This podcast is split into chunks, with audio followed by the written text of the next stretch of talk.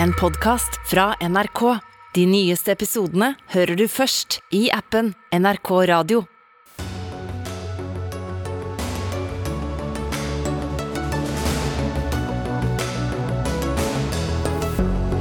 Et eh, lenge bebudet ekstraordinært strømmøte fant sted i Stortinget i dag. Opposisjonen kom med nesten 100 forslag til tiltak. Ingen av dem ble vedtatt. Rogaland deler ut mange tusen gratiseksemplarer av boka til Rødts Mimir Kristjansson. Altfor mye PR å gi en aktiv politiker, mener en kommentator. Tre dager før neste rentemøte kommer en økonom med en klar oppfordring til Norges Bank. Avlys noen av de planlagte renteøkningene. Og ungdommer blir satt på benken og mister lysten til å fortsette. Er breddefotballen egentlig for eh, alle? Systemet virker ikke, mener onkelen til en som mistet gnisten. Du hører eller ser på Dagsnytt 18 med Sigrid Solund i eh, studio. og Først i sendingen eh, skal det handle om dronning Elisabeths begravelse. Kisten av dronningen, med dronningen er nå senket ned i krypten i St. George's kapell ved Windsor slott der dronningen skal få sitt siste hvilested. Trond Ren Isaksen, historiker og monarkiekspert, du har fulgt seremonien. Hva var det som gjorde mest inntrykk på deg? Det var kanskje den siste delen, den jordfestelsesgudstjenesten som akkurat er avsluttet i St. George's Chapel. Før i dag så har det vært eh, veldig mye pomp og prakt. Man har kanskje glemt litt at i denne kista så ligger en liten gammel dame som er gått ut av tiden. Men det ble veldig tydelig på slutten av denne seremonien, hvor hoffjuveleren Mark Appleby kom fram og fjernet eh, kronregaliene. Så kom hoffsjefen, lord Parker, fram og brakk sin embetsstav i to.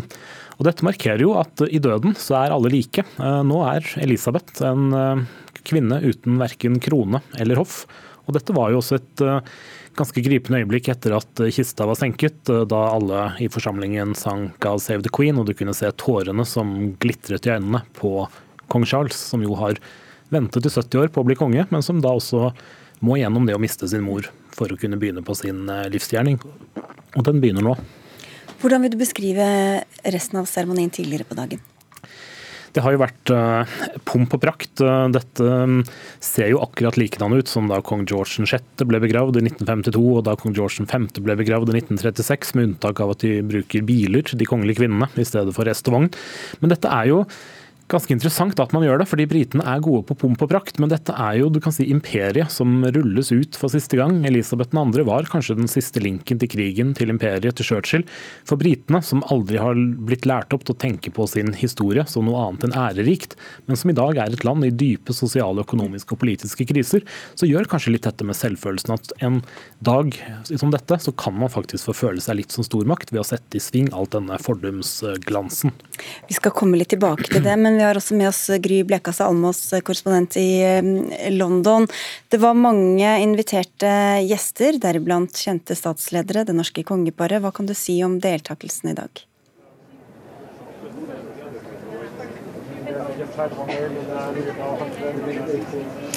Ja, På den siste gudstjenesten her i Windsor nå, eh, som for så vidt ikke er den siste, det er den første her i Windsor, det skal være enda en her.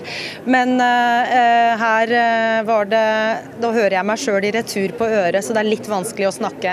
Eh, men ja, det var 800 mennesker til stede her, eh, mot 2000 som var til stede eh, på Westminster Abbey tidligere i dag.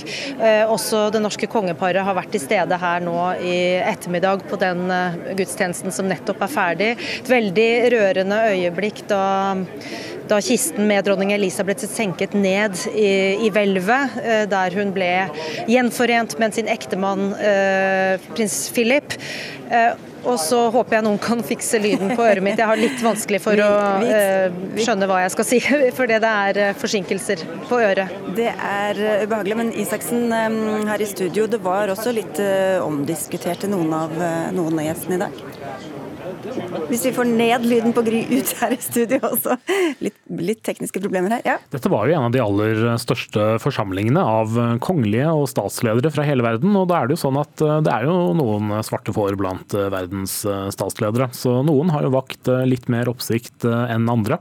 Kong Juan Carlos f.eks., som jo har levd i unåde nå, mer eller mindre i Abu Dhabi de siste årene, var til stede ikke som representant for Spania, men som en privat venn og slektning.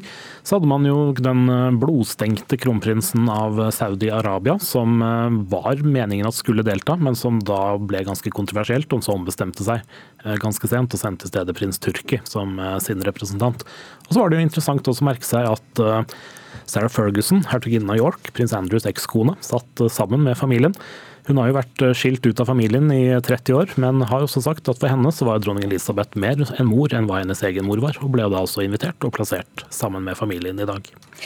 Det er mange som dronning Elisabeth har krysset veier med. Du er en av dem også, Erna Solberg, mm. tidligere statsminister og Høyre-leder. Har møtt dronninga. Hva slags inntrykk gjorde hun på deg? Eh, hun har gjort inntrykk på meg lenge før jeg møtte henne. for eh, Hun har jo vært en, eh, et bilde på Storbritannia og i og for seg den lange historien hele tiden. Men altså, jeg har jo møtt henne et par ganger, og egentlig snakket med henne litt da én gang. Men eh, hun virker jo altså hun er en selvfølgelig veldig formell, men også veldig varm og, og tydelig og hyggelig person å snakke med. Eh, selvfølgelig profesjonelt til fingerspissene. sant? Altså, jeg tenker på hvor mange sånne mottagelser hun må ha møtt folk i og vært høflig. og Sikkert, sikkert grenser for hvor interessant vi andre har vært eh, opp igjennom. Men, men hun utstråler en varme og interesse. og Den gangen vi snakket, var jo når Angela Merkel trakk oss sammen rundt henne, de kvinnelige statsministrene på Nato-jubileet eh, før juli, 19, eh, nei, juli i 2019. Og det, da Eh, da ble jo snakket litt sånn om å være kvinne i en mannsdominert verden, og hun spurte interessante spørsmål. og du, hørte, du, følte litt på at hun nok eh, tenkte at eh, hun hadde opplevd litt av litt motstand opp igjennom sin tid, også særlig som ung kvinne. Men du sa hun hadde gjort inntrykk på deg. Hvordan, hvordan har hun påvirket, eller Hva slags inntrykk var det hun hadde gjort på deg tidligere, før du også møtte henne? Det, altså som, som, representant for Storbritannia, altså med den eh, altså Storbritannia er jo et land som ligger nærmt oss. Bergensere ligger det veldig nærmt. Vi pleide å reise med båt til Newcastle. Sant? Det var, var, var eh, og, og, og det eh, bildet hun har gitt hele tiden gjennom vanskelige tider og annet, jeg tror, så jeg tror jeg til og med TV-serien The Crown har bidratt til, selv om det er fiction, og selv om det sikkert ikke er mye friheter som er tatt, eh, så har de også gitt et bilde av hvilken, hvilken plikt det er. Men, eh, men hun, har, eh, hun, har, jo stilt opp for Storbritannia og for de andre landene. Og jeg hører mange som snakker om henne som liksom representant for den gamle kolonitiden, men hun er også representant for dekoloniseringen. Altså Hun har vært leder i uh, statsoverhodet i Storbritannia når det gikk fra å være et imperie til å ikke være det lenger, og har gjort det med stil og eleganse gjennom hele den perioden. Og så har hun jo vært en stabil faktor, eh, Sigurd Folkemær Mikkelsen, utenrikssjef i NRK. Du har skrevet på NRK Ytring om at nå må Storbritannia prøve å finne sin plass med to uprøvde ledere, altså den nye kongen og den nye statsministeren. Hva slags eh, utfordringer er det som venter dem? Er veldig store. Eh, og vi har jo sett en enorm oppvisning i dag i, både i britisk pomp og prakt, men også en, en, enorm internasjonal begivenhet med ledere som vi knapt har sett i Europa eh, på, ja, eh, siden, siden, avslutningen av, av krigen. En, en, veldig veldig stor internasjonal begivenhet og et, og et vitnesbyrd på den rollen London og Storbritannia har spilt opp gjennom historien. Men under dette skal vi kalle det blankpussede, keiserlige nesten panseret så ligger det jo eh, store store problemer for Storbritannia framover. Eh, det går fra det interne. Eh, den økonomiske situasjonen kommer til å bli kjempetøff for britene framover. De skal finne sin plass i en verden som blir mye mer mye tøffere. Og de gjør det samtidig på utsiden av EU, og de har ikke klart å definere den rollen som de ønsket. Det er nå over seks år siden brexit, og vi ser tendenser til at europeisk økonomi går bedre enn britene, og britene klarer ikke lenger å få det momentumet de trenger. Så det er flere flere ting. Og i tillegg så vil de få trøbbel tror jeg, eh, litt internt med, med å holde unionen samlet. Du har samveldeproblematikken som kommer opp. Så det er en hel sånn rekke konflikter som dronning Elisabeth på en måte har kanskje dekket litt over, pusset litt på, holdt sammen. Så jeg er i hvert fall veldig spent på å se hvordan så Hvor stor var hennes, hennes bidrag eh, inn i dette? De svarene vil vi jo få etter hvert når eh, kong Charles tar over. Ja, hvordan skal de klare å samle folk i Storbritannia, tror du? Altså, de kommer jo til å dra med seg et momentum fra denne feiringen denne markeringen. og Det ligger jo, altså det ligger jo dypt samhold eh, også, eh, i, som, vi, som, vi, ser i, i, denne begravelsesdagen, og som vi har sett i disse, eh, i disse dagene siden, siden, hun gikk bort. Men jeg tror vi kommer til å, å, se skarpere politiske motsetninger. Og jeg tror også vi kommer til å se potensielt også sosial uro, hvis ikke de får løst opp i noen av disse store fattigdomsutfordringene de har. Og også med tanke på de økende energiprisene i, i Europa og Storbritannia. Storbritannia er jo et veldig viktig land for Norge, ikke bare bergenserne, men også hele resten av Norge? Det er jo, Hvis vi legger sammen alt, så er det vår største handelspartner. Hvis vi bare legger sammen det som på en måte er ikke bare en del av den globale altså energisiden, så er det vår tredje største handelspartner. Det betyr mye. Det er utgangsporten for veldig mange norske selskaper til verden.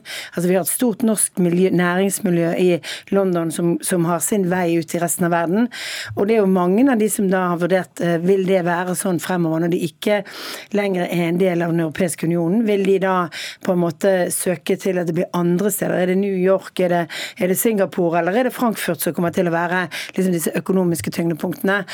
Og, så, og der, har jo, der har nok britiske politikere på, på brexit-siden undervurdert også den økonomiske utfordringen dette har gitt. Og, og, og, det skaper nok mye større konflikter også internt, eh, internt, i landet. Og så har jeg vært en del i Stillehavsøyer og i, i Karibien og sånt. Det er klart, akkurat for de landene så hadde nok dronning Elisabeth som symbol veldig mye å gjøre med at, når, at, at det fortsatt hadde et uh, britisk statsoverhode der. Um, der ser vi jo tegnene til at de sprekker. Det begynte med i og for seg eh, Barbados før, altså i fjor, og nå er det flere av disse landene som nå tenker at nå kan de begynne å velge sin egen president istedenfor. Hvilke land blir da viktig for Storbritannia å knytte seg nærmere, Sigurd? De har jo allerede forsøkt f.eks. med dette AUKUS-samarbeidet å knytte seg inn i den skal vi si, eh, angelsaksiske sfæren da, med, med, Australia, eh, USA.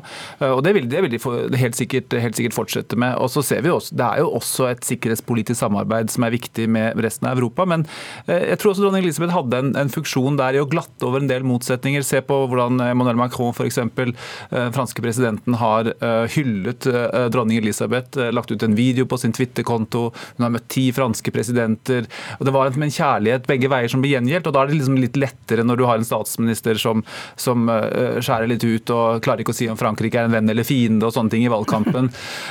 men det, det, krever litt takt og tone. og, og da, et så, så, såpass komplisert forhold som franskmennene og britene har.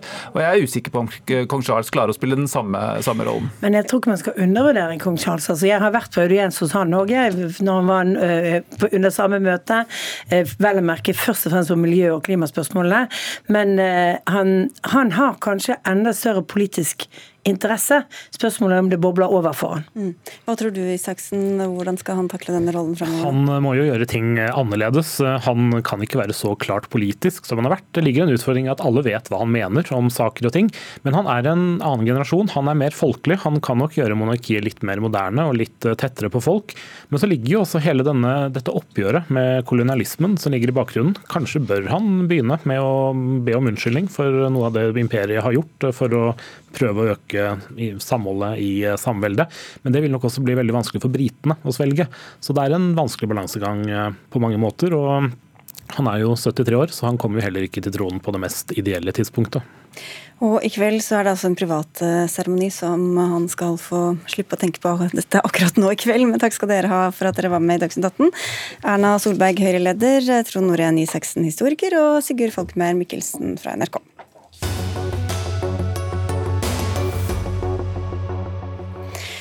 Gjennom hele sommeren har opposisjonen bedt om et ekstraordinært møte på Stortinget før Stortinget egentlig er samlet, så i dag skjedde det. Flere enn 90 forslag ble lagt på bordet, men ikke noe ble vedtatt. Så hva kom egentlig ut av dette møtet, om noe, olje- og energiminister Terje Aasland? Du, jeg syns det var viktig å komme til Stortinget og holde en redegjørelse. Jeg syns det er viktig at vi kan få et eh, felles plattform å diskutere ut ifra. Fordi situasjonen er veldig krevende og veldig alvorlig. Eh, og så fikk vel ut av dagen i dag at eh, det er veldig ulike oppfatninger av hva som er riktige løsninger blant partiene på Stortinget. Eh, og så fikk vi gjennom de forslagene som er fremma, også et eh, veldig godt bilde av at mange av de forslagene som blir fremma, er allerede i tråd med det arbeidet som regjeringen gjør. Så Det er liksom de tre Eh, forholdene jeg syns er viktig, men det viktige nå det er å få et felles virkelighetsforståelse eh, for det videre arbeidet og den krevende situasjonen vi står i. Og så handler det mye om eh, hva som skal gjøres, hvor fort det skal gjøres og hvem som skal gjøre det. Dere må ta på dere hodetelefoner, for vi har med oss Lars Haltbrekken som sitter på Stortinget for SV fra en flyplass, tror jeg. Dere forlanger at regjeringa kommer til dere å forhandle før statsbudsjettet for neste år legges fram. Hva er det som haster med å få gjennom? Det vi trenger å få gjennom nå, er en kraftig forbedra strømstøtte til husholdningene. Vi må få en mer rettferdig ordning på plass, som gir mest støtte til dem som har dårligst råd, og som også har det laveste strømforbruket. Og det er regjeringa forplikta til, så vi ser fram til de forhandlingene som vi skal i gang med sammen med regjeringa. I tillegg så er vi nødt til å ha på plass tiltak for økt satsing på energieffektivisering og tiltak for å få kontroll over kraftpolitikken vår. Omfordeling og energieffektivisering, Aasland, hva sier du til forslagene fra SV? Nei, altså Enøktiltak er veldig viktig. Det å bruke strømmen effektivt er jo en del av ikke minst den næringsstøtta som eh, vi lanserte på fredag.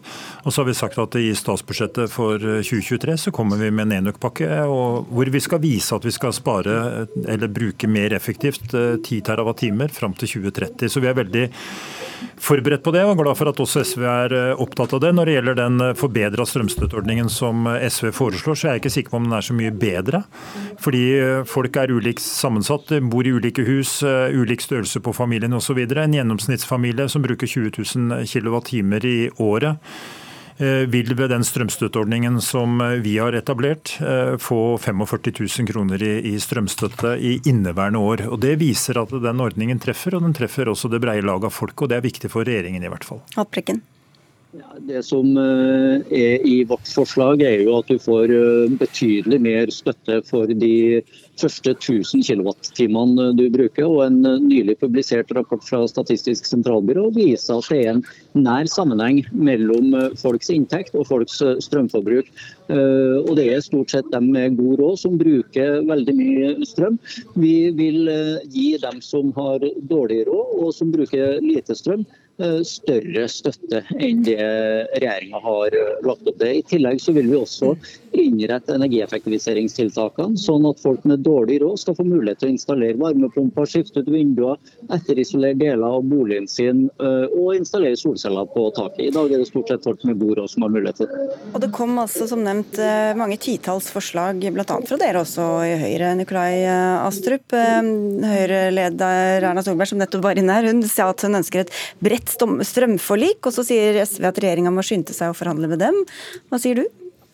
Jeg tror i den ekstreme situasjonen som vi står i nå, så er regjeringen tjent med å få til et bredest mulig flertall om eh, viktige tiltak. Eh, og jeg tror når det gjelder energieffektivisering, satsing på solenergi, raskere saksbehandling på eh, både ny, nytt kraftnett og ny kraftproduksjon, så er vi tjent med at eh, vi går sammen. Og jeg tror det er bredt flertall for mye av det. Så, det, er det mulig å få til. og Det er ingen hensikt å gå rett til SV. Det som bekymrer meg med at SV nå forsøker å, å kuppe dette og, og ber regjeringen om å gjøre opp med dem på bakrommet, er jo at de er sterke motstandere av en bedrifts, bedriftsstøtteordning. Og Det var jo det vi hadde ambisjoner om da vi sa ja til å ha et ekstraordinært møte nå i september, var at regjeringen skulle komme med noe på bedriftsstøtte. Det, den saken har ikke kommet til Stortinget ennå, derfor kunne vi ikke vedta noe i dag. Men, men det ble lagt frem men, før helga? Ja, det ble lagt frem, men det må legges frem for Stortinget. Mm. Og Det er mange der ute som kanskje ikke helt uh, vet, men det er jo sånn det må foregå. At det er annonsert på en pressekonferanse, det holder ikke. Det må komme til Stortinget, og vi skal behandle det. Så skal det vedtas. Det tar nødvendigvis litt tid, og nå haster det å få en avklaring for mange bedrifter som nå sliter. Og at SV da, de sier jo eh, blankt nei til en bedriftsstøtteordning. Ja, de sier, ja, det, bare, vi, vi, kan ikke sette ord i Haltbrekken hver gang, men ja, de sier ikke blankt nei, men de vil ha en annen ordning ja, enn den som er lagt inn. Ikke sant? Og det, det, er, det, er, næringslivet veldig tydelig på, at okay, men, lån det kommer ikke til å gjøre susen akkurat men, nå. Men bare for å høre med deg, Aasland, hva, hva, er gangen i dette her nå? Når, hvem skal dere snakke med, og hvor fort skal det skje? Det første vi skal gjøre nå, det er å fremme sakene for Stortinget, sånn at Stortinget kan starte med behandlingen. og Det er 30. september, altså om et par uker.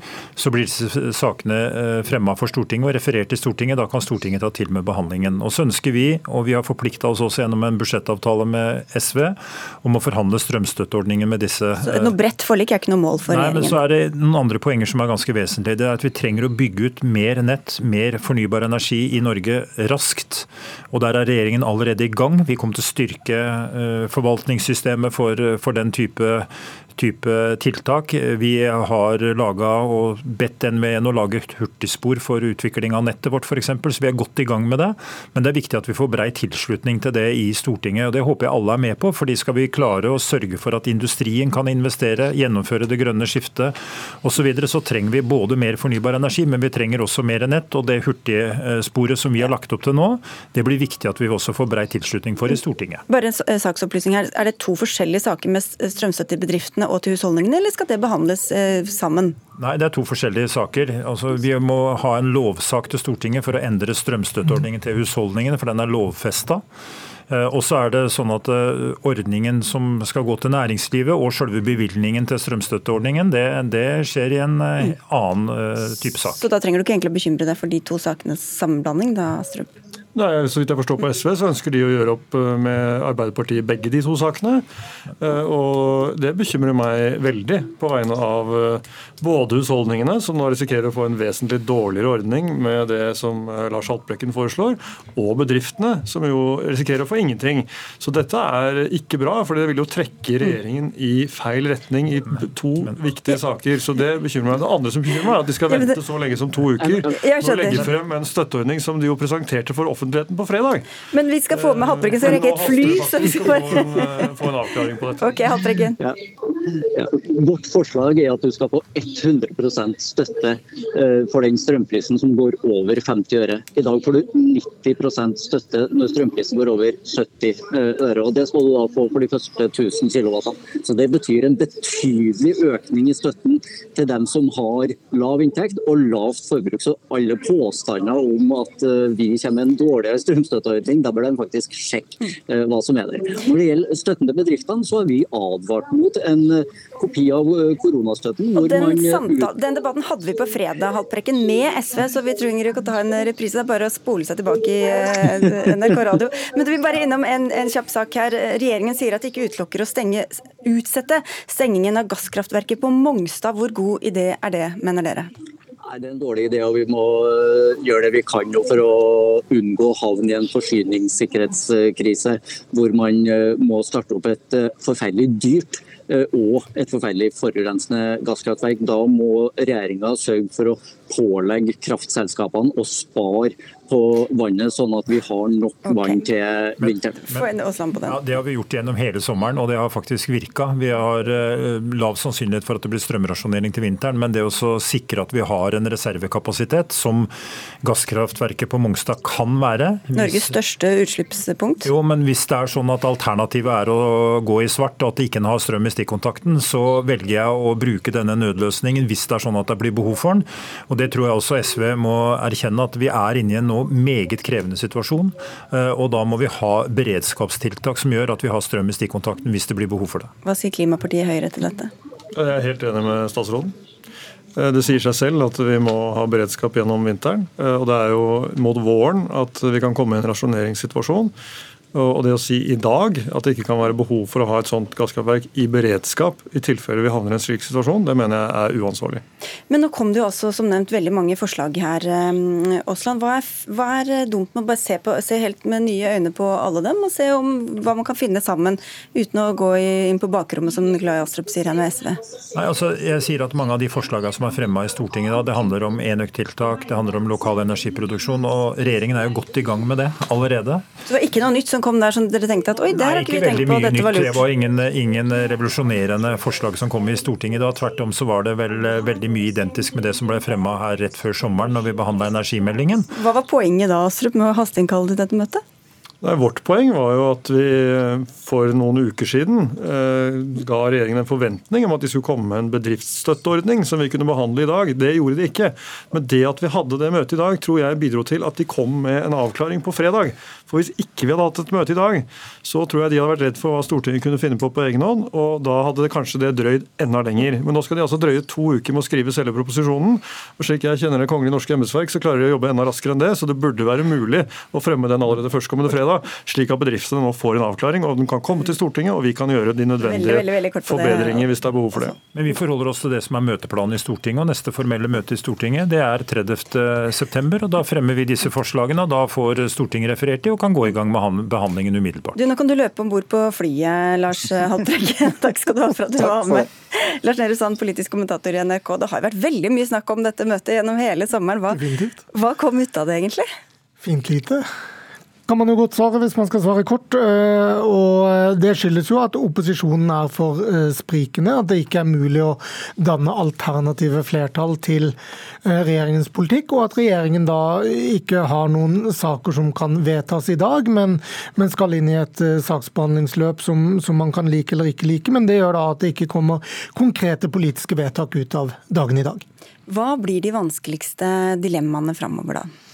Det, eh, de store skillelinjene i kraftpolitikken, som man opplever det i kommentarfeltene, holdt jeg på å si, de er det jo eh, ikke noe forskjell på med dagen i dag. Altså Debatten om makspris, hvor Rødt og Fremskrittspartiet er enige, der, det er det jo ikke flertall for i Stortinget. Eh, andre mulige strømmodeller som, som SV har lansert, er det heller ikke flertall for. Og de andre forslagene som opposisjonen har lagt frem i dag, er det vanskelig å se at det blir noe flertall for.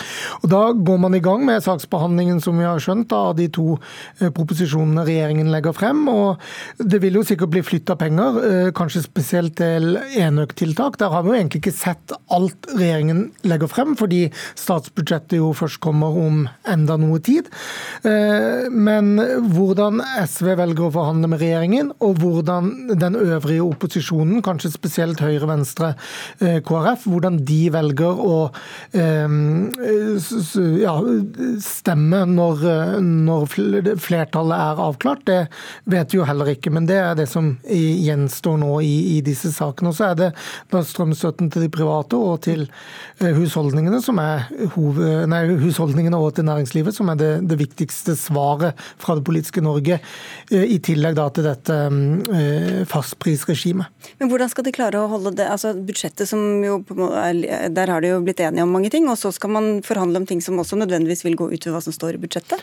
Det er jo det som låser regjeringens handlingsrom litt, og det er jo derfor eh, dette bakrommet hvor Astrup ikke nødvendigvis har full tilgang, eh, gjør seg gjeldende. Fordi det er så mye av det som er løsningen på strømkrisen som nødvendigvis har en statsbudsjettkonsekvens. og Der er avtalen regjeringen og SV har slik at man skal forhandle med eh, SV først. og Derfor så, så gjør det at det å se for seg andre mulige flertall, så lenge SV ikke vil forhandle med den øvrige opposisjonen, da, eh, er vanskelig å se for seg eh, per nå. og Det gjør jo at regjeringen, med å riktignok ha da blitt eh, sparka litt bak av Stortinget, som har etterlyst tiltak, de unngår kanskje da et stortingsregjereri i, i ordets negative forstand. Om to uker kommer det altså, men du skal ikke se bort fra at vi har mange debatter innen den tid. Bl.a. med dere, Terje Aasland og Nikolai Astrup. Takk skal dere ha, og takk til Lars Nehru Sand.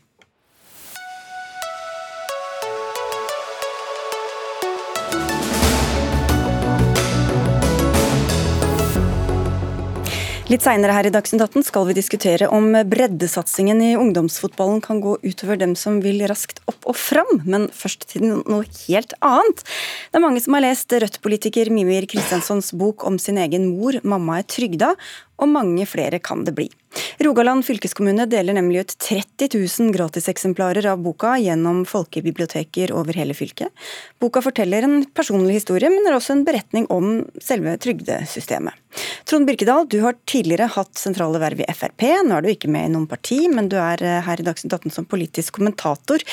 Rogaland fylkeskommune burde ikke kjøpt inn disse bøkene, sier du. Hvorfor ikke? Jeg synes Det er problematisk, altså uansett hva, hva politikere det hadde vært og hva partiet det hadde vært. Så er det problematisk at uh, en fylkeskommune bruker innbyggerne sine skattepenger på å gi så mye ekstra uh, oppmerksomhet og promotering av en sittende aktiv politiker. Hva kan det få å si, mener du? Nei, altså Veldig få kjenner vel til, altså av folk flest kjenner til Mimir som en uh, forfatter. De forbinder han gjerne med politikk, eh, eventuelt Farmen-deltakelse. Men, eh, men, at de nå liksom ja, deler ut 30 000 eksemplarer med hans navn på og, og sånn, det skal ikke se vekk ifra at det kan oppleves som et sånn godkjentstempel fra fylkeskommunen. Stig Beite Løken, du er prosjektleder for Hele Rogaland leser, og bestemte altså at det var nettopp denne boka som skulle være årets bok og deles ut i tusenvis av eksemplarer. Hvorfor valgte dere den boka? Det er flere grunner til at vi valgte den eh, boken. Den er rørende, lettlest, tankevekkende og engasjerende. Vi opplevde den som um, ikke partipolitisk, men politisk i den forstand at den tok opp veldig viktige ting som angår oss alle, i den grad politikk er fordeling av byrder og goder. Men i tillegg så vil jeg si at det, rør, at det er en veldig rørende skildring av forholdet mellom mor og sønn. Det handler om identitet. Eh, moren til Mimir var en lærer som får en veldig alvorlig kreftdiagnose tidlig i Mimirs liv. Hun blir eh, trygda og må finne ut hva slags identitet er det å være trygda. Er hun lærer? Er hun trygda? Hva, hva innebærer det? Og forfatteren måtte være, oppleve å være ung og mm. nesten passe mer på moren enn moren passet på han. Men hvordan kan du være så trygg på at dette ikke potensielt kan påvirke hva folk vil stemme neste år? Jeg tror dette, altså Hele Rogaland Leser er et unikt prosjekt i landssammenheng, og vi deler ut mange bøker. Men å tro at en bokutdeling i september 2022 skal påvirke et valg i september 2023, da tilskriver en dette prosjektet litt mer innflytelse enn det har. Særlig med tanke på alle de der brennende sakene i nyhetsbildet, bl.a. strømsaken, som nettopp var sak her i Dagsnytt 18. Mimi Kristiansson, du sitter altså på Stortinget for Rødt. Du er forfatter av denne og flere andre bøker. Du har vel nå signert i Krampa tok deg de siste dagene. Du vil vel ha flest mulig lesere, men hvis det kommer noen flere velgere også som følge av dette, så er vel ikke det negativt heller? Det viktigste for meg er at folk eh, leser denne boken, i hvert fall i denne sammenhengen. Og jeg må jo bare si at jeg er veldig stolt og glad over at jeg har valgt ut den boken. Ikke ydmyk, men stolt eh, over det. Og, og jeg må jo bare si at jeg syns det er en jævlig bra bok, bare så det er sagt. Så. Vi har allerede, allerede fått mye reklame for den. Så da Nei, da. Men, men, hvis jeg skal svare litt på den, den, mm. de innvendingene som kommer fra Birkedal, så jeg skjønner jo hvorfor man stiller de spørsmålene. Det er helt fair å stille de spørsmålene. men jeg bare, I en alternativ virkelighet så skulle man jo kanskje sett for seg at en kritiker av dette hadde gått inn satt seg ned, lest boken og meint noe om innholdet til boken. Men jeg opplever jo at vi stadig oftere får sånne debatter som dette, der avsenderen, eh, mannen og ikke ballen, er poenget. Der det er noe som er galt fordi noen har gjort sånn eller sånn eller sånn. Og Det syns jeg er litt synd, og jeg håper, og jeg tror faktisk helt ærlig òg, at jeg ikke ville ha reagert på dersom en fylkeskommune i Norge delte ut 30 000 eksemplarer av Abid Rajas bok. Hva med Siv Jensens bok? Eller Siv Jensens bok. Og alle disse bøkene her er jo kjøpt inn av norske biblioteker gjennom innkjøpsordningen allerede. Hvis du går på et norsk bibliotek, er det fullt av bøker av aktive politikere kjøpt inn for skattebetalingspenger. Ja, hvor går den grensa, Birkedal? Eh, altså, Mimir er jo ikke eh, skal jeg si, målet for denne kritikken. Han er en merittert forfatter, han skriver bra bøker. Eh, og jeg unner han eh, liksom, denne PR-en for boka si. Eh, så jeg har ingenting å si på mine. Han har bare vært kriseheldig og skal nyte av det.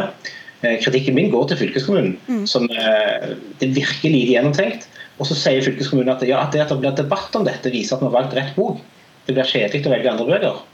Det er altså sånn at det er ikke boka som blir kritisert i det hele tatt. Det er bra bok. Jeg har lest den sjøl, jeg syns den er kjempebra.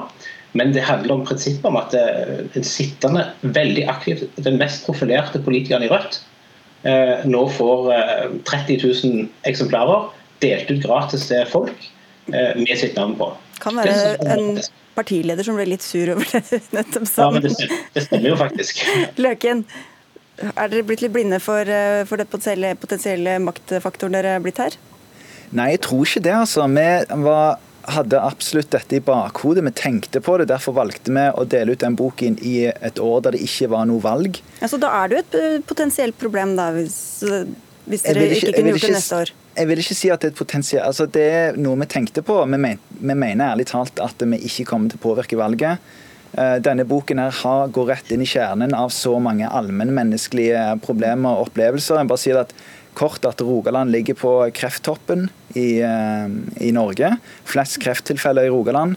Veldig mange som er pårørende, veldig mange som opplever dette. sånn at det, selv om dette er skrevet av en person som òg er politiker, så vil jeg si at det er klart skille mellom de to tingene. Dette er ikke partipolitikk. Nei, og, og jeg bare si, bare veldig ja. rask ting også. I en tid der det blir stadig mer polarisert, der det hele tiden alt skal koke ned til enig eller uenig, så syns jeg det er er veldig uheldig med sånn type bøker som dette her, som blir tilskrevet han som Rødt-politiker. For dette er bare en knallgod bok. Og det kan jo være veldig politiske bøker som ikke er partipolitiske, og i hvert fall ikke skrevet av en politiker, Birkedal. Så hva slags handlingsrom får, får fylkeskommunen til å dele ut bøker, hvis du skal ha så strenge kriterier?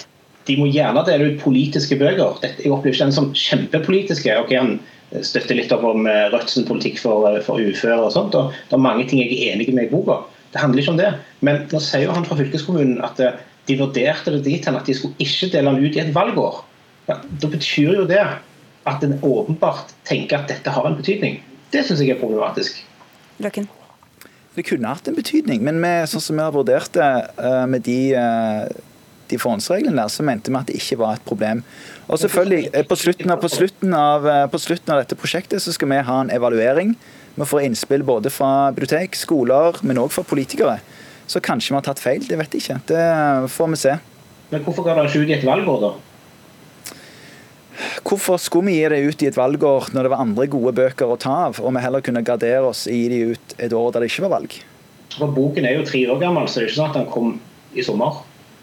Nei, du sier selv at dere vurderte det for dit hen at det var ikke En kunne ikke ta det og dele det ut i et valgår. Da, da er det åpenbart for meg i hvert fall at dere tenker likt meg, men så har dere andre vurderinger. Vi har nok andre vurderinger. Når vi tenker likt deg, så handler det først og fremst bare om at vi vil imøtekomme folk som kanskje kunne tenke det, og dermed på en måte trekke vekk oppmerksomhet fra innholdet i boken. For det er tross alt innholdet i boken som er det sentrale for oss som jobber med dette. Hva er det politiske budskapet i boka, Kristiansson? Først og fremst er dette en historie om eh, min oppvekst, mitt liv med mor mi, og om hennes liv. Så det er jo en litterær eh, bok, mye mer enn at det er en politisk bok. Jeg har skrevet politiske bøker òg, som ikke er noe mer enn enkle, simple pamfletter. Men, eh, men denne boka er ikke sånn. Og så ligger det jo et jeg vil ikke si politisk, men jeg vil si humanistisk budskap her om at man skal snakke om trygda folk på en skikkelig måte, og vise de respekt og verdighet. Men det er ingen politiske forslag i boka. Det står ingenting om at vi bør øke trygda trygdene, vi bør gjøre sånn eller vi bør gjøre sånn. Og Rødt er ikke nevnt med et ord. og når jeg begynte, og egentlig hele perioden der jeg skrev denne boka, var jeg faktisk heller ikke politiker for Rødt. Eh, sånn at på en måte den boka er ikke noe partipolitisk eh, manifest. Og, eh, og, og ja, jeg syns det, det, er litt fornærmende på boka å redusere det til noe ja, men, men, selv om ikke det er innhold i, i, boka som er politisk, så kan det gi deg en, en form for legitimitet, eller partiet Rødt en form for legitimitet, som lesere av boka ikke hadde fått hvis ikke de hadde lest? Det er mulig, men jeg opplever ikke at det er et stort problem at norske politikere skriver for mange bøker. og Jeg er kjempetar Abid Raja, som skrev Norges mest solgte bok i fjor. Det er jo en fantastisk historie. og Da skal man glede seg tror jeg, over den boka som er skrevet, og ikke tenke at det er så farlig om han som venstrepolitiker i et parti jeg ikke er enig med, skulle få noe legitimitet som jeg ikke setter pris på. Så, så jeg tror politikere burde skrive flere bøker, egentlig, og ikke færre. Og at de også er en del av litteraturen i Norge. Hadde det vært like ille, Birkedal, hvis det var Abid Rajas bok som ble gitt ut? Litt bort? Ja, ja, absolutt. Alle aktive politikere som får kjøpt inn bøkene sine av en fylkeskommune og delt ut gratis, uansett parti, eh, så er det problematisk, syns jeg. Men nå er det altså bare å gå etter hvert på bibliotekene og hente seg et eksemplar eh, hvis du fikk lyst til å lese den etter all den gratisreklamen du har fått her i dag. Takk skal du ha for at du kom, og takk til deg, Trond Birkedal, eh, kommentator i Stavanger Aftenblad, og Stig Beite Løken, prosjektleder for hele Rogaland Leser.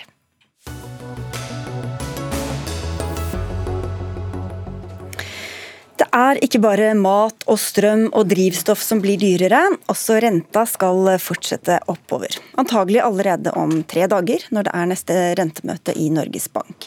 Men basert på den siste prognosen fra Statistisk sentralbyrå, så burde Norges Bank avlyse flere av de varslede renteøkningene. Det sier du til Aftenposten, Steinar Holden. Du er professor ved Økonomisk institutt ved Universitetet i Oslo, og har vært eh, sjefutreder for Finansdepartementet bl.a. på samfunns samfunnsøkonomisk hold. Hvorfor bør Norges Bank endre på planen? Ja, så Det er jo basert på denne prognosen. Hvis det går sånn som i prognosen til SSB, eh, så er Norge på vei inn i en lavkonjunktur. Eh, og Arbeidsledigheten øker betydelig, og inflasjonen kommer da ned til 1% i 2024. Og sånn, eh, Hvis det, blir utviklingen, så har man tatt for hardt i pengepolitikken. Da har man hevet renten eh, for mye. Fordi Eh, nå er det masse studier som viser at hvis man får en økning i arbeidsledigheten nå, så, så vil den kunne bli mer langvarig. Eh, så, så, den høye sysselsettingen vi har hatt, den har, har, hatt eh, veldig gunstige effekter som vi gjerne vil holde på. Og så er det klart at vi må få ned inflasjonen. Så det har vært riktig å heve renten sånn som Norges Bank har gjort, og trolig er det riktig å heve renten nå også. Men, men så må man være mer forsiktig. Altså, det kommer ikke til å gå så bra i norsk økonomi som det Norges Bank har lagt til grunn? Det er det SSB mm. sier. og så er jeg spent på hva slags prognoser Norges Bank kommer med eh, på, til torsdag. Eh, så, men, eh, men, i hvert fall ut ifra hva SSB sier, så, så, tyder det på at, man, at økonomien er på vei i en lavkonjunktur. Og, og, og, da bør man ikke heve renten så mye. Hva tror du, Olav Chen? Du er senior porteføljeforvalter og leder av allokering av globale renter i Storebrand. Nei, Jeg tror og mener at Norges Bank skal og bør heve renten videre. Men nå er jo mye av den diskusjonen her basert på analysene til eh, SSB. og Jeg så kjapt på det, og der avviker vel SSB spesielt på inflasjonsprognosen. At den kommer veldig kjapt ned. Som på en måte jeg kan forstå argumentene eh, rundt at man kan holde litt tilbake. Eh, nå er ikke Norges Bank selv så optimistiske med tanke på at inflasjonen kommer så kjapt eh, ned. Og Mitt eh, hovedargument er at norsk økonomi har nådd taket. At arbeidsledigheten, som er en god proxy på hvor mye ledig kapasitet det er i økonomien, er på rekordlave nivåer på det laveste siden 2007. vel. Og fortsatt så vi, har vi et rentenivå som er en god del lavere eh, enn det vi har sett eh, tidligere. Det du har gjort nå, er å satt opp renten til den, litt over det nivået vi hadde før eh, pandemien. Så eh, jeg tror at eh, styrken i norsk økonomien kommer til å vedvare. Og frykten er selvfølgelig at vi får en såkalt lønns- og prisspiral, med det bakteppet vi har internasjonalt også. Og, og ikke sett en inflasjonspress lignende på 40 år. Det er ikke et norsk fenomen, dette her, det er jo et globalt fenomen. Og Da er frykten at på en måte, inflasjonsankeret kanskje ryker litt eh, grann. Da. Spørsmålet er om man klarer å få ned inflasjonen i det hele tatt, uten at arbeidsledigheten faktisk øker noe. Holden. Nei, Jeg er betydelig mindre bekymret for denne at inflasjonen skal eh, feste seg på et uh, høyt nivå. Uh, vi har en fornuftig lønnsdannelse i Norge.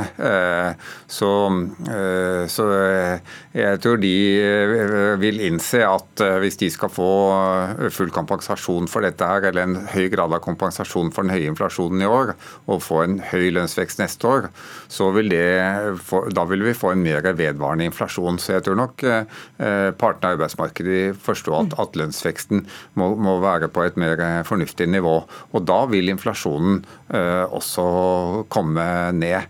Og, og, og, så er det riktig at vi kan ikke fortsette med en, en sånn press i økonomien som vi har hatt, men jeg tror vi kan tåle en nokså lav arbeidsledighet i Norge.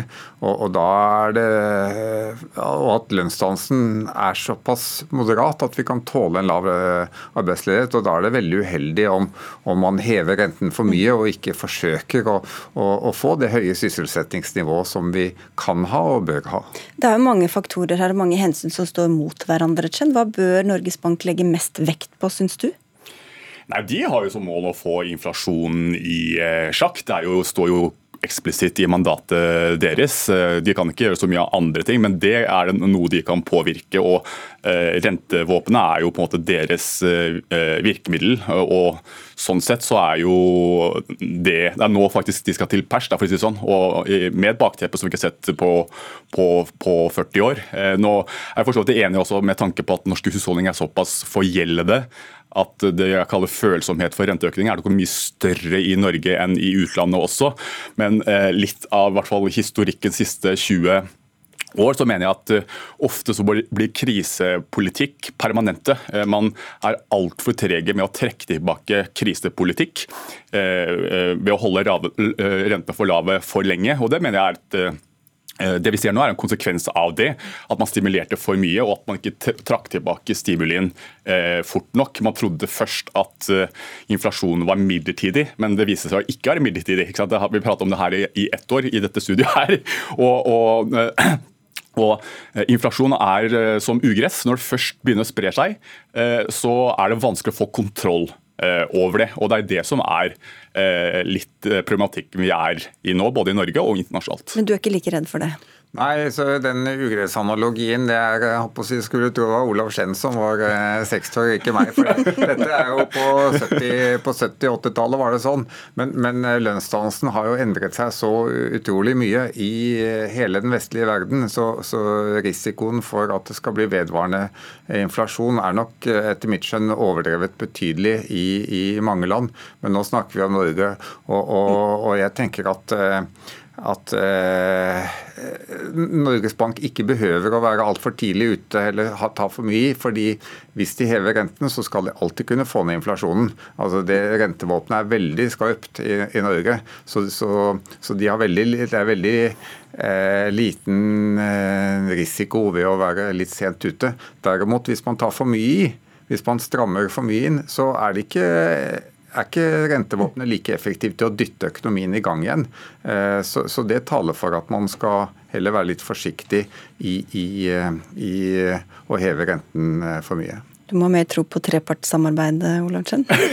Nei, men jeg tror at man har tid til å se an. Da. og Det er på en måte det som er det nye blant sentralbanken også. At man faktisk kan stramme til og fortsette, fortsette, og så kan man faktisk reversere det. Hvis, det, hvis faktisk det scenarioet som Steinar inntreffer, så kan du faktisk snu og kutte renten ganske kjapt enn å på en måte ha en permanent altfor lav, lav rente. Da. Tre dager til neste rentemøte og kraftig fall på Oslo Børs i dag. Hva er sammenhengen der eh, eventuelt?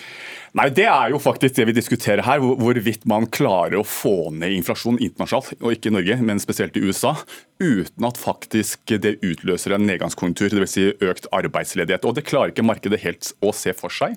Og Da tror jeg det har sendt ned på en måte finansmarkedet, men spesifikt i dag så falt Oslo Børs ganske kraftig. og Det henger nok sammen med eh, råvarepriser, gasspriser, og litt i forlengelsen av faktisk eh, mulig eh, pristak på gass Eh, som von Leyen har pratet om i forhold til å håndtere energikrisen i Europa. Klokere litt i hvert fall blir vi på torsdag. Så får vi si takk til dere i denne omgang, Steinar Holden som er professor ved Økonomisk institutt ved Universitetet i Oslo, og Olav Chen som er seniorporteføljeforvalter og leder for allokering og globale renter i Storebrand.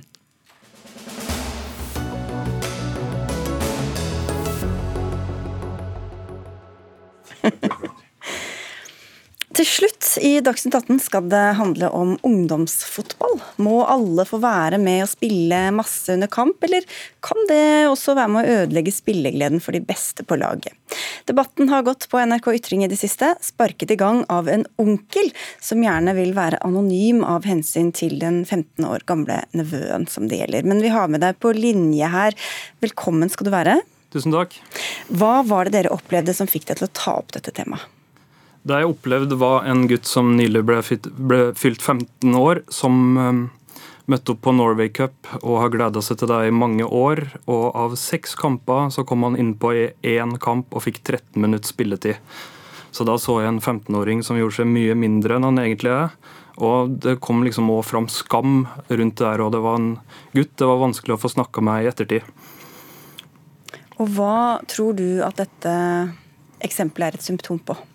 Det er et symptom på noe en ser nesten på hver eh, bane en er nedpå og kikker på. Jeg har vært trener i tolv sesonger sjøl og har òg feila sjøl flere ganger. Men det her var så systematisk at det gjorde rett og slett vondt å se på. Håkon Grøsland, leder for spiller- og trenerutvikling i um, Norges Fotballforbund. Sånn skal det ikke være, sier dere, men så hører vi at det skjer likevel. Hva sier du til det? Altså, fotball er jo Norges mest eh, populære fritidsaktivitet. Eh, kanskje den viktigste inkluderings- og sosialiseringsarenaen vi har. Og forutsetningen for at det skal fortsatt være det, da, er jo at alle får være med på leiken.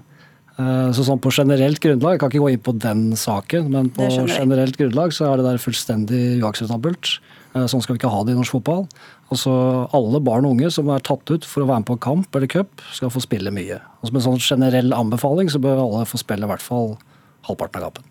Men det skjer altså ikke, sier du på linje her. Og du sier også at eh, selv om det strider mot NFFs regelverk, så skjer det hele tiden. Hva kunne Fotballforbundet gjort annerledes?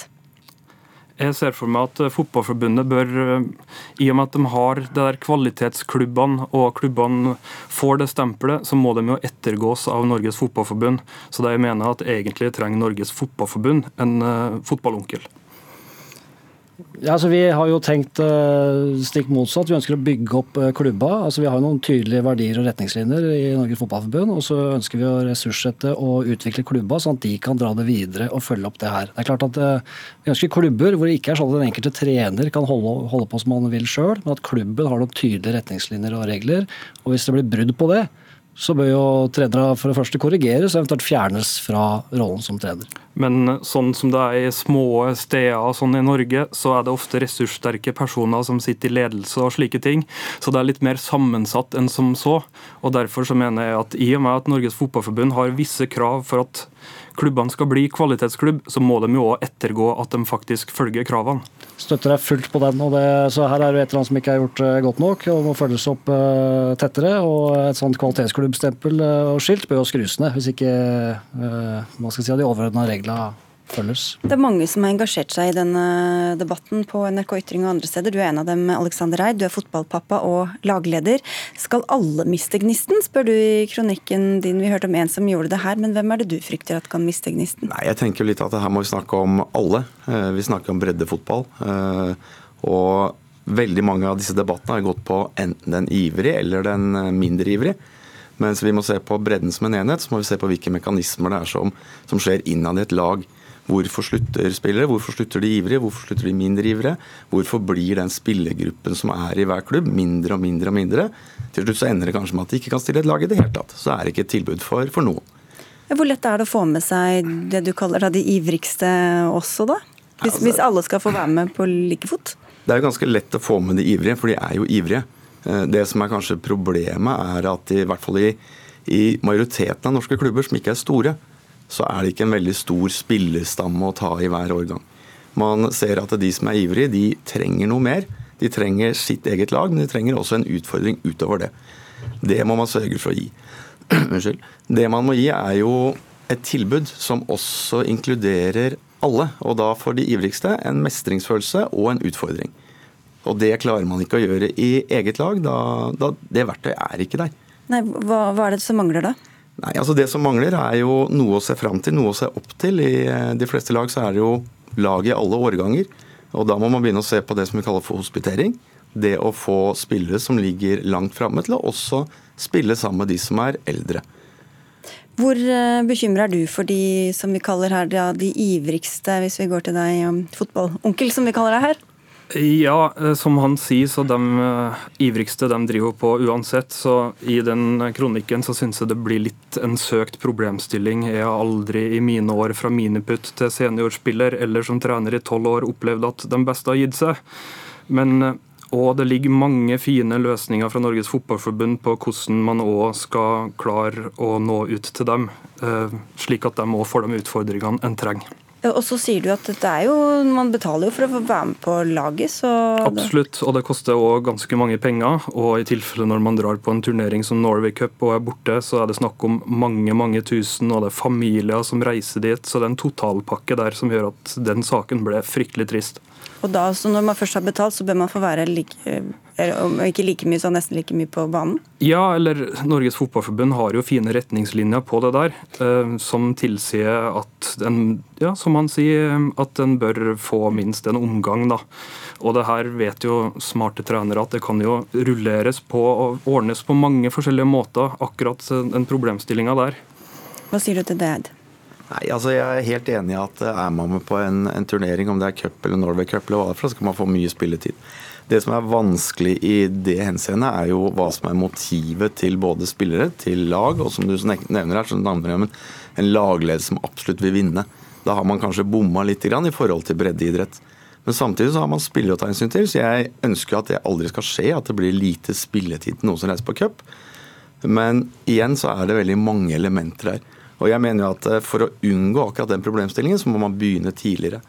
Sånn at det faktisk har et bredde, en stamme i et lag som gjør at man kan flytte på spillere, gi godt tilbud til alle sammen. Hvor, hvor lett er det Grøtland, å gi et godt tilbud til alle de, de, som trener mange timer hver dag på Løkka, og de som er med mest for det sosiale? Altså, det er jo utfordrende og komplekst der, for vi snakker om hundretusener av barn og ungdom med ulike drømmer, eh, følelser, eh, ambisjoner, ferdigheter. Og så skal vi treffe flest mulig av de her, da. Eh, og da er vi i hvert fall veldig klare på at likebehandling det er fullstendig feil. Det er urettferdig. Så vi, vi har en tilnærming hvor vi tenker positiv forskjellsbehandling. At vi gradvis fra år til år gjør større forskjell med tanke på at vi differensierer, har litt ulike typer grupper på trening. De som har kommet lengst, skal være der. De som har kommet kortest, skal være der osv. Eh, så, videre, og så, videre. så vi har jo noen tanker, eller ganske klare tanker om det her. Og så er det om å gjøre å få det ut i praksis. Men du sier Alexander Eid, at eh, NFF eh, har et litt hva skal vi si, jeg skal ikke legge ord i munnen på det, men slapt forhold til konkurranse? Nei, Det, det jeg syns er at i breddeidrettsbestemmelsene og barneidrettsbestemmelsene så sier jo Norges idrettsforbund at barn kan begynne å konkurrere fra de er 11 år. Eh, med resultater, tabeller osv. Fotballforbundet har jo tatt den eh, to hakk lenger opp og sier at de kan ikke konkurrere før de er 13 år. Det som kanskje vi må se på her, er hvordan barn nå vokser opp. De vokser opp med spill, hvor det er konkurranse fra de er bitte små. Så, så hverdagen deres er mye mye mer konkurranseorientert enn det var tidligere. Eh, og det er kanskje en del av motivasjonen for mange å konkurrere. Jeg må bare korrigere det, for Vi har aldri sagt at det ikke skal konkurreres før man er 13. Vi er veldig opptatt av konkurranse og ønsker det så tidlig som mulig. Fra første trening når unge er seks eh, år gamle. Konkurranse, telle mål, opptatt om å vinne eller taper, enten det er trening eller kamp. Det eneste vi ikke har, er tabeller. Eh, som vi mener er, det, blir, eh, det er ikke avgjørende. Det er sånn som vi ser på det da. Ja, Det er vel der vi er litt, litt enige. hva, hva tror du, hvis vi hører fra onkelen vår igjen, da, mer konkurranse, er det det som skal til? Jeg vet ikke om det akkurat er mer konkurranse, men Universitetet i Agder har jo forska på Bryne, der Haaland spilte, og han satt jo likt på benken med alle andre, han òg. Og det laget fikk ut seks profesjonelle fotballspillere. Og det de satt igjen med der, var jo at uh, spillerne lærte at samspill dreier seg om å gi plass til alle. Satsing på bredda utvikla toppspillere. Og han utvikla seg som fotballspiller og menneske, rett og slett av å lære av å sitte på benken òg. Mm. Du, du um, Alexandra, du peker også på at du kanskje er for uh, manisk opptatt av alder? At man heller burde dele inn etter mer ferdigheter enn uh, akkurat når du er født? Ja, fordi at uh, altså, i fotball så er det sånn, er du født 31.12., eller først til første, så er det ett års forskjell på spilleren i ferdigheter i forhold til hvilket alderstrinn de spiller på i sin egen serie. Eh, det mener jeg bør viskes ut litt, fordi at eh, da klarer du å gjøre en mer dynamisk flytting av spillere i forhold til ferdigheter, sånn at de kan mestre ting på sitt nivå. Jeg mener at alder er litt kunstig når man gjelder, eh, gjelder idrett, spesielt lagidrett, fordi at det er så veldig stort sprang. Og NFF sier jo selv, når det gjelder sånn som vi snakker om landslagsskolen, at man ønsker å ha med spillere fra begge, første halvdel og andre halvdel av året, fordi at det er stor forskjell. Og Da syns jeg det skillet 31.12. blir veldig veldig kunstig. Hva sier du til det, NFF? Altså, vi støtter jo det fullt ut. altså De overordna tankene om at vi må få fange opp spillere som er seint utvikla. Eh, vi ser at de altså, Enten det er på fotballbanen eller på Stortinget, så ser vi at de, de fleste er født tidlig på året. Eh, så, så, der er det et eller annet vi må se på. Eh, men det er jo hvordan vi skal gjøre det i praksis som er, som er vrient. da. Også da jeg snakka både med fotballpappaen i studio her og fotballonkelen som sitter et annet sted, så var begge opptatt av foreldrenes rolle rolle. Hva, hva er det foreldre gjør gærent eller kunne gjort eh, annerledes, hvis vi spør deg? Anonym, anonym onkel? Nei, jeg tenker det at her må trener og lagleder tørre å stå i det, rett og slett. Mine erfaringer tilsier at det er foreldrene til dem som er beste, som er mest på å kreve, kreve.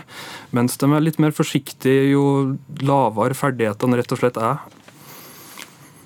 Jeg er vel ikke helt enig i det at nødvendigvis er foreldrene til de beste. Det vi ofte ser, eller som jeg i hvert fall har opplevd, er jo at hvis man skal begynne med hospitering, altså tydelig differensiering av spillere, så er det veldig ofte de som nesten når opp, hvor foreldrene har en, en tydelig mening. Eh, det som kanskje er Altså De blir irritert for at uh, noen andre blir tatt ut? Irritert er kanskje ikke det rette ordet, men de har i hvert fall en mening om hvor sitt barn er en. Eh, og det er kanskje ikke forenlig med hva hva trenerstaben i, i laget mener. Uh, og, og, I den forbindelse så må kanskje foreldrene lære seg å stole litt mer på, på, trenerne. De overlater barna til trenerne sine i regn, snø, på cuper, på kamper og alt. Men akkurat når det gjelder hvor de skal spille hen, da har de plutselig veldig mye meninger. Så her syns jeg kanskje foreldre må slippe litt taket.